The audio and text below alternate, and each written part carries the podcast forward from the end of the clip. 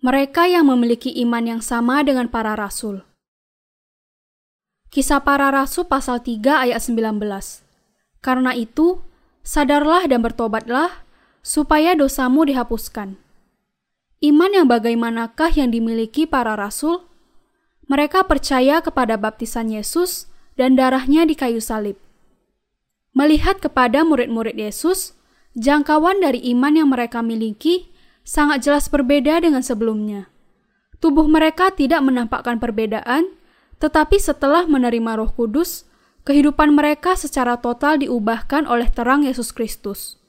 Kota tempat tinggal saya memiliki gunung-gunung dan danau yang indah. Kalau saya memandang pemandangan yang indah itu, saya merasa kepuasan dan takjub sehingga saya hanya bisa bersyukur kepada Allah atas ciptaannya itu. Air yang jernih dan berkilauan di bawah sinar matahari membuat hati saya penuh dan dunia sekitar saya nampak seperti emas. Tetapi ada beberapa tempat di mana keindahannya tidak muncul secara langsung. Ada tempat-tempat di mana langitnya nampak sangat cerah dan sangat indah, tetapi air yang terkena sinar matahari justru tampak seperti rawa yang kotor. Tidak ada kejernihan yang nampak. Ketika saya melihat danau yang seperti ini, saya sungguh bersyukur atas Injil yang indah yang menghapuskan dosa saya dan memampukan saya menerima Roh Kudus berdiam di dalam hidup saya. Seperti permukaan air yang seperti rawa yang kotor, tidak bisa memantulkan keindahan cahaya, kita juga jauh dari terang Allah dan tanpa bisa dihindari menuju ke akhir yang tidak bisa diketahui karena hakikat dosa kita. Tetapi kalau Roh Kudus berdiam di dalam hati kita, kita akan dinyatakan sebagai anak Allah dan dituntun untuk mengabarkan Injil kepada orang-orang lain. Karena kita menerima terangnya, kita dimampukan untuk bersinar terang. Demikian juga, setelah kebangkitan Yesus, murid-muridnya menerima roh kudus dan menjadi rasul dan anak-anak terang. Terang dari roh kudus adalah berkat yang sangat besar bagi semua, dan karena itu, kebanyakan orang mengharapkan untuk menerima roh kudus. Iman Rasul Paulus Iman yang bagaimana yang dimiliki Paulus? Paulus, dalam pengakuan imannya, berkata bahwa ia terpelajar dan terdidik di bawah pengawasan Gamaliel, salah satu guru hukum Taurat yang terhebat di masa itu. Tetapi ia mengakui bahwa meskipun mengenal hukum Taurat, ia tidak bisa diselamatkan dari dosa-dosanya, dan bahkan ia adalah penganiaya Yesus, Juru Selamat kita. Suatu hari, ia bertemu dengan Yesus di jalan yang menuju ke Damsyik dan menjadi salah seorang pengabar Injil. Ia memiliki iman kepada Yesus Kristus sebagai anak Allah yang telah datang ke dalam dunia ini, dibaptis oleh Yohanes untuk membasuh segala dosa dunia, dan mencurahkan darah di kayu salib untuk menanggung segala hukuman bagi dosa. Dengan kata lain, Paulus memiliki iman di dalam hatinya akan pengampunan dosa. Murid-murid Yesus percaya bahwa baptisan Yesus oleh Yohanes dan darahnya di kayu salib adalah untuk mengampuni segala dosa mereka. Paulus memiliki iman yang sama dengan murid-murid Yesus yang lain dan karena itu diselamatkan dari segala dosanya. Paulus berkata dalam Galatia pasal 3 ayat 27, Karena kamu semua yang dibaptis dalam Kristus telah mengenakan Kristus dan mengakui imannya kepada baptisan Yesus sebagai keselamatannya. Juga, Petrus berkata dalam 1 Petrus pasal 3 ayat 21, Juga kamu sekarang diselamatkan oleh kiasannya yaitu baptisan. Maksudnya bukan untuk membersihkan kenajisan jasmani, melainkan untuk memohonkan hati nurani yang baik kepada Allah oleh kebangkitan Yesus Kristus. Dan ia menunjukkan Injil yang indah mengenai baptisan Yesus di dalam ayat ini. Murid-murid Yesus percaya bahwa baptisannya oleh Yohanes menghapuskan segala dosa dunia. Mereka diampuni dari segala dosa mereka dan tidak lagi berada di bawah kutuk hukum Taurat dengan percaya kepada kebenaran ini. Mereka percaya kepada baptisan Yesus dan darahnya di kayu salib. Terbukti bahwa iman seperti itu sangat penting sebagai persyaratan bagi para rasul. Dalam kisah para rasul pasal 1 ayat 21 sampai 22 dikatakan, Jadi harus ditambahkan kepada kami seorang dari mereka yang senantiasa datang berkumpul dengan kami selama Tuhan Yesus bersama-sama dengan kami, yaitu mulai dari baptisan Yohanes sampai hari Yesus terangkat ke surga meninggalkan kami untuk menjadi saksi dengan kami tentang kebangkitannya. Proses menjadi rasul dimulai dengan kepercayaan kepada baptisan Yohanes. Kebenaran yang kita butuhkan untuk menerima pengampunan dosa adalah iman di dalam baptisan Yesus dan darahnya di kayu salib. Karena kamu semua yang dibaptis dalam Kristus telah mengenakan Kristus. Galatia pasal 3 ayat 27. Paulus juga percaya kepada baptisan Yesus oleh Yohanes dan darahnya di kayu salib. Mari kita lihat Titus pasal 3 ayat 5. Pada waktu itu, dia telah menyelamatkan kita bukan karena perbuatan baik yang telah kita lakukan, tetapi karena rahmatnya oleh permandian kelahiran kembali dan oleh pembaharuan yang dikerjakan oleh roh kudus. Di sini, frase permandian kelahiran kembali berarti bahwa dosa seluruh dunia dibasuh pada saat Yesus dibaptiskan oleh Yohanes. Demikian juga, kalau Anda mau menerima pengampunan dosa, anda harus percaya kepada Injil yang indah itu, yang mengatakan bahwa dosa-dosa Anda ditanggungkan kepada Yesus melalui baptisannya oleh Yohanes.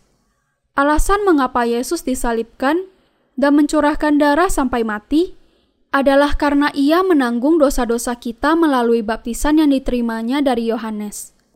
Percaya kepada kenyataan ini sudah cukup untuk menerima Roh Kudus berdiam di dalam hidup kita. Paulus mengakui bahwa ia juga percaya kepada baptisan Yesus dan darahnya di kayu salib. Mari kita melihat Ibrani pasal 10 ayat 21 sampai 22 yang berkata, "Dan kita mempunyai seorang imam besar sebagai kepala rumah Allah. Karena itu, marilah kita menghadap Allah dengan hati yang tulus ikhlas dan keyakinan iman yang teguh, oleh karena hati kita telah dibersihkan dari hati nurani yang jahat dan tubuh kita telah dibasuh dengan air yang murni." Di sini, dibasuh dengan air yang murni, menunjuk kepada baptisan Yesus oleh Yohanes yang membasuh segala dosa manusia. Karena itu, baik dalam Perjanjian Lama maupun Perjanjian Baru, kita bisa menemukan bahwa perkara yang paling pokok dari Injil yang indah adalah baptisan Yesus dan kematiannya di kayu salib. Anda juga harus memiliki iman yang sama dengan iman Paulus. Sekarang ini, banyak orang Kristen percaya kepadanya secara sia-sia tanpa mengetahui bahwa pada saat Yohanes membaptis Yesus, segala dosa dunia dihapuskan. Banyak teolog yang berkata bahwa semua orang harus dibaptis ke dalam air untuk mendapatkan pengampunan dosa.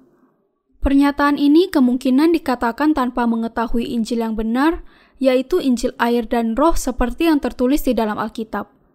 Dosa-dosa kita tidak bisa diampuni dengan sekedar upacara baptisan kita di air. Iman dalam baptisan Yesus dan darahnya, itulah yang membasuh segala dosa kita. Hanya mereka yang percaya di dalam Injil yang indah itu saja yang menerima pengampunan dosa. Dan dengan percaya kepada darahnya, mereka sudah dilunasi segala utangnya. Hanya mereka yang memiliki iman yang demikian yang bisa menerima roh kudus. Karena itu, Marilah kita menghadap Allah dengan hati yang tulus ikhlas dan keyakinan iman yang teguh. Oleh karena hati kita telah dibersihkan dari hati nurani yang jahat dan tubuh kita telah dibasuh dengan air yang murni. Ibrani pasal 10 ayat 22. Penulis kitab Ibrani mengajak kita untuk menghadap Allah dengan hati yang tulus ikhlas dan keyakinan iman yang teguh. Anda juga bisa menghadap Allah dengan hati yang tulus ikhlas dan keyakinan iman yang teguh kepada Injil yang indah itu. Sekarang ini, banyak orang Kristen dengan tulus berharap untuk menerima Roh Kudus berdiam di dalam kehidupan mereka. Tetapi Roh Kudus hanya berdiam di dalam kehidupan mereka yang telah menerima pengampunan dosa. Banyak orang yang tidak mengetahui hal itu dan karena itu berharap untuk menerima Roh Kudus tanpa percaya kepada Injil yang indah tentang baptisan Yesus dan darahnya. Mereka yang sudah percaya kepada Yesus, tetapi belum percaya kepada baptisan Yesus dan darahnya di kayu salib, tidak bisa menerima roh kudus. Alasannya adalah karena mereka tidak memiliki hati yang tulus ikhlas. Paulus percaya kepada baptisan Yesus dan darahnya di kayu salib dan karena itu menerima roh kudus. Selanjutnya, ia mengabarkan kepercayaan ini dan dianiaya karena dianggap penyesat. Tetapi, karena roh kudus berdiam di dalam hatinya, ia bisa terus mengabarkan Injil air dan roh sampai akhir hidupnya. Segala sesuatu dapat kutanggung di dalam dia yang memberi kekuatan kepadaku. Filipi pasal 4 ayat 13 Karena pertolongan roh kudus yang berdiam di dalam kehidupannya, ia bisa melayani Allah dan hidup di bawah perlindungan roh kudus sampai ia kembali kepada Allah. Hanya mereka yang memiliki iman seperti Paulus yang bisa menerima roh kudus. Mari kita melihat iman Paulus. Dalam Kolose pasal 2 ayat 12 dikatakan, Karena dengan dia, kamu dikuburkan dalam baptisan, dan di dalam dia, kamu turut dibangkitkan juga oleh kepercayaanmu kepada kerja kuasa Allah yang telah membangkitkan dia dari orang mati. Paulus sudah menerima pengampunan dosa karena ia percaya kepada Yesus yang dibaptiskan oleh Yohanes. Bagaimana kekristenan berubah sejak zaman dahulu? Sekarang, mari kita melihat pengakuan seorang saudari yang menjadi seorang murid setelah menerima Roh Kudus di dalam Yesus Kristus. Saya sudah tua, tetapi belum memiliki anak. Sehingga agar saya menerima berkatnya melalui doa, saya pergi dari satu gereja ke gereja yang lain. Bahkan di rumah, saat seorang diri, saya berdoa meminta anak setidaknya selama satu atau dua jam, dan hal itu menjadi pola keagamaan yang menjadi bagian dari kehidupan saya sehari-hari. Saat saya menghidupi kehidupan keagamaan yang demikian, saya bertemu dengan seorang wanita yang sudah berusia lanjut. Ia berkata bahwa kalau saya mau meminta agar Allah memberikan seorang anak kepada saya, saya harus menerima dosa penumpangan tangan darinya. Saya pernah mendengar bahwa wanita ini memang hamba Tuhan, dan karena itu saya mengizinkannya melakukan penumpangan tangan ke atas saya. Saat itu, saya merasakan pengalaman yang belum pernah saya alami sebelumnya. Lidah saya mulai bergetar, dan saya mengucapkan kata-kata dalam bahasa asing, dan saya merasa ada sesuatu kekuatan yang aneh dan hangat mengangkat saya. Saya menganggap bahwa pengalaman ini berarti bahwa saya telah menerima Roh Kudus dan bahwa hal itu adalah jawaban atas doa-doa saya. Wanita yang menumpangkan tangannya ke atas saya nampaknya memiliki karunia dari Roh Kudus dan bisa bernubuat serta menyembuhkan orang sakit. Ia tidak pernah belajar firman Allah secara khusus, tetapi dengan kuasa Roh Kudus, ia menolong banyak hamba Tuhan dan mereka yang memiliki pendidikan teologi untuk menerima Roh Kudus melalui penumpangan tangan. Sejak itu, saya mulai menghadiri pertemuan-pertemuan seperti itu, yang salah satunya disebut kebaktian kebangkitan rohani. Dalam salah satu persekutuan doa seperti ini, saya merasa gemetar di seluruh tubuh saya, dan hati saya terbakar dengan kasih kepada Allah dan sesama. Hal yang sama terjadi juga kepada orang-orang lain, dan orang mulai berjatuhan dan berkata-kata dalam bahasa roh. Di sana, ada beberapa orang yang kerasukan dan pemimpin persekutuan itu mengusir roh jahat yang merasuk. Tujuan dari kebaktian kebangkitan rohani seperti ini adalah untuk menolong orang memiliki pengalaman dengan roh kudus melalui hal-hal seperti gemetar, bernubuat, mengusir roh jahat, dan berkata-kata dalam bahasa roh. Tetapi meskipun ada semua pengalaman itu, saya masih memiliki dosa. Dan dosa di dalam hati saya membuat hati saya merasa takut dan malu. Karena itu, setiap kali saya berdoa, saya berdoa dengan sungguh-sungguh agar saya bisa menghilangkan masalah dosa itu. Saya mengakui bahwa saya berbuat dosa, tetapi banyak orang menganggap saya hidup seperti malaikat. Saya rasa saya memiliki iman yang baik, tetapi saya salah. Kalau saya tidak menyadari kesalahan saya, mungkin saya tidak akan pernah mendapat kesempatan untuk menerima Roh Kudus. Setelah itu, saya bertemu dengan mereka yang mengabarkan Injil air dan Roh dan menerima pengampunan dosa dengan percaya kepada firman Allah. Sekarang, saya sungguh-sungguh bersuka cita. Saya percaya kepada Injil air dan Roh dan sudah menerima Roh Kudus. Saya bersyukur kepada Allah. Saya berharap bahwa orang-orang Kristen di seluruh dunia akan percaya kepada Injil yang indah itu dan menerima Roh Kudus berdiam di dalam kehidupan mereka. Saya bersyukur kepada Allah. Di sini, kita melihat bahwa untuk menerima Roh Kudus, kita membutuhkan Injil air dan Roh. Kalau Anda mau menerima pengampunan dosa, Anda harus memiliki iman kepada baptisan Yesus oleh Yohanes. Mari kita lihat Efesus pasal 4 ayat 5. Satu Tuhan, satu iman, satu baptisan. Dalam ayat itu, dikatakan bahwa hanya ada satu Tuhan dan satu baptisan yang kita percayai. Kita semua harus percaya kepada baptisan Yesus oleh Yohanes dan darahnya di kayu salib untuk bisa menerima roh kudus berdiam di dalam kehidupan kita. Kalau tidak, maka roh kudus tidak akan pernah berdiam di dalam hidup kita. Suatu saat, ada beberapa orang yang diajar dan percaya bahwa gerakan pengudusan dan kemurnian akan menolong mereka menerima Roh Kudus. Tetapi, apakah Anda berpikir bahwa Roh Kudus akan datang kepada kita kalau kita mengikuti gerakan-gerakan semacam itu? Kalau memang ada kemungkinan untuk itu, maka akan sangat bijaksana kalau Anda tidak usah memiliki iman. Tetapi kalau Roh Kudus datang kepada Anda karena alasan itu, maka Yesus tidak perlu datang ke dunia ini dan menyelamatkan kita dari dosa-dosa kita dan tidak perlu dibaptis atau menjalani penyaliban. Penerimaan berdiamnya Roh Kudus adalah anugerah atas iman kepada Injil baptisan Yesus dan darahnya yang memberikan pengampunan dosa kepada Anda. Berdiamnya Roh Kudus adalah anugerah yang diberikan kepada mereka yang dosa-dosanya telah dihapuskan melalui Injil yang benar.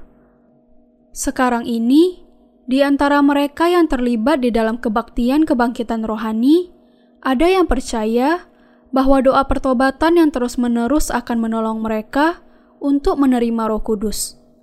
Mereka berkata bahwa meskipun seseorang memiliki dosa di dalam hati, kalau ia menaikkan doa pertobatan, maka ia akan menerima Roh Kudus. Gerakan Pentakosta karismatik yang telah berkembang ke seluruh dunia dimulai di Amerika Serikat pada tahun 1800-an. Gerakan ini terjadi sekitar masa-masa revolusi industri di mana etika dan moral manusia telah hancur. Gerakan ini mencapai puncaknya ketika hati banyak orang kacau balau karena adanya masa depresi besar. Sejak itu, iman kepada firman Allah mulai menurun dan suatu gerakan keagamaan baru mulai muncul. Gerakan Pentakosta karismatiklah yang bertujuan untuk merasakan pengalaman fisik dengan Roh Kudus Allah, melihat karya Allah dengan mata jasmani, dan mengalami kuasa firman Allah dengan pikiran dan tubuh. Tetapi kesalahan yang fatal dari gerakan ini adalah bahwa gerakan ini menjauhkan orang-orang percaya dari firman Allah dan menjadi sebuah agama yang menekankan berkat-berkat jasmani. Sebagai akibatnya, pengikut-pengikut dari agama baru ini menjadi pendukung dari kegiatan perdukunan. Bahkan sampai hari ini, mereka yang melibatkan diri dalam gerakan Pentakosta karismatik percaya bahwa kalau seseorang memiliki iman kepada Yesus, ia akan menjadi kaya, sakitnya akan sembuh, ia akan makmur dalam segala sesuatu, ia akan menerima Roh Kudus dan berkata-kata dalam bahasa roh, serta memiliki kuasa untuk menyembuhkan orang sakit. Gerakan Pentakosta karismatik sudah berkembang ke seluruh penjuru dunia. Gerakan ini sudah menjadi penghalang bagi banyak orang untuk mengenal Injil yang benar dan kemungkinan untuk mereka menerima Roh Kudus berdiam di dalam kehidupan mereka. Kekristenan modern diawali dengan kepercayaan Luther dan Calvin selama 500 tahun yang lalu. Tetapi di dalam lingkup kekristenan, penyelidikan Alkitab mengenai berdiamnya Roh Kudus tidak ditanamkan secara kuat. Masalahnya adalah bahwa sejak awal dari kekristenan modern, banyak orang Kristen yang percaya kepada Yesus tanpa menyadari pentingnya baptisannya dan kematiannya di kayu salib. Dan hal itu diperparah lagi dengan munculnya orang-orang Kristen yang secara salah menekankan kepada pengalaman fisik semata-mata. Semua orang Kristen harus percaya kepada Injil yang indah yang berkata bahwa Yesus dibaptiskan oleh Yohanes untuk menanggung dosa dunia dan bahwa ia disalibkan untuk menanggung hukuman bagi dosa-dosa itu. Kepercayaan ini akan membuat Anda menerima Roh Kudus. Sekarang ini, alasan mengapa kekristenan menjadi begitu terbelakang adalah karena banyak orang Kristen cenderung untuk mengabaikan kebenaran tentang baptisan Yesus yang diterimanya dari Yohanes dan darahnya di kayu salib. Yesus menyuruh kita untuk mengenal kebenaran. Percaya kepada baptisan Yesus oleh Yohanes dan darahnya di kayu salib berarti percaya kepada Injil air dan Roh. Kalau Anda mau menerima Roh Kudus, maka percayalah bahwa pada waktu Yohanes membaptiskan Yesus, dosa-dosa Anda ditanggungkan kepadanya, dan bahwa darahnya adalah untuk menanggung hukuman dan memberikan pengampunan dosa kepada Anda. Setelah itu, Anda akan menerima Roh Kudus. Banyak orang Kristen hanya percaya kepada darah Yesus saja sebagai Injil penebusan. Tetapi, apakah orang-orang yang percaya hanya kepada darah Yesus dapat dibebaskan dari dosa? Bisakah Anda dibebaskan dari dosa? Kalau Anda berpikir bahwa Anda bisa dibebaskan dari dosa, mungkin Anda hanya memiliki pemahaman yang samar mengenai makna baptisan Yesus yang sesungguhnya. Dengan demikian, itu menunjukkan masih adanya dosa di dalam hati Anda. Hanya kalau Anda memiliki hubungan dengan baptisan Yesus dan darahnya sebagai satu kesatuan iman sajalah, Anda dapat diselamatkan dari dosa dan menerima roh kudus. Alkitab berkata bahwa hanya ada satu Injil yang menolong kita mengalahkan dunia dan ada tiga yang memberi kesaksian di bumi, roh dan air dan darah, dan ketiganya adalah satu. 1 Yohanes pasal 5 ayat 8.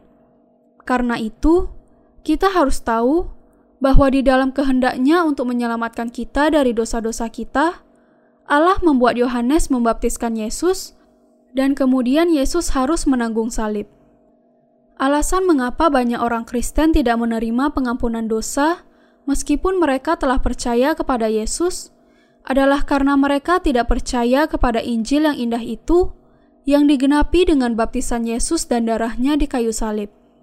Mereka yang percaya kepada kedua hal itu akan menerima pengampunan dosa dan Roh Kudus akan berdiam di dalam hati mereka. Pada saat seseorang menyadari bahwa dosa-dosa mereka telah dibasuh, hati mereka menjadi penuh dengan damai dan tenang seperti air yang tenang.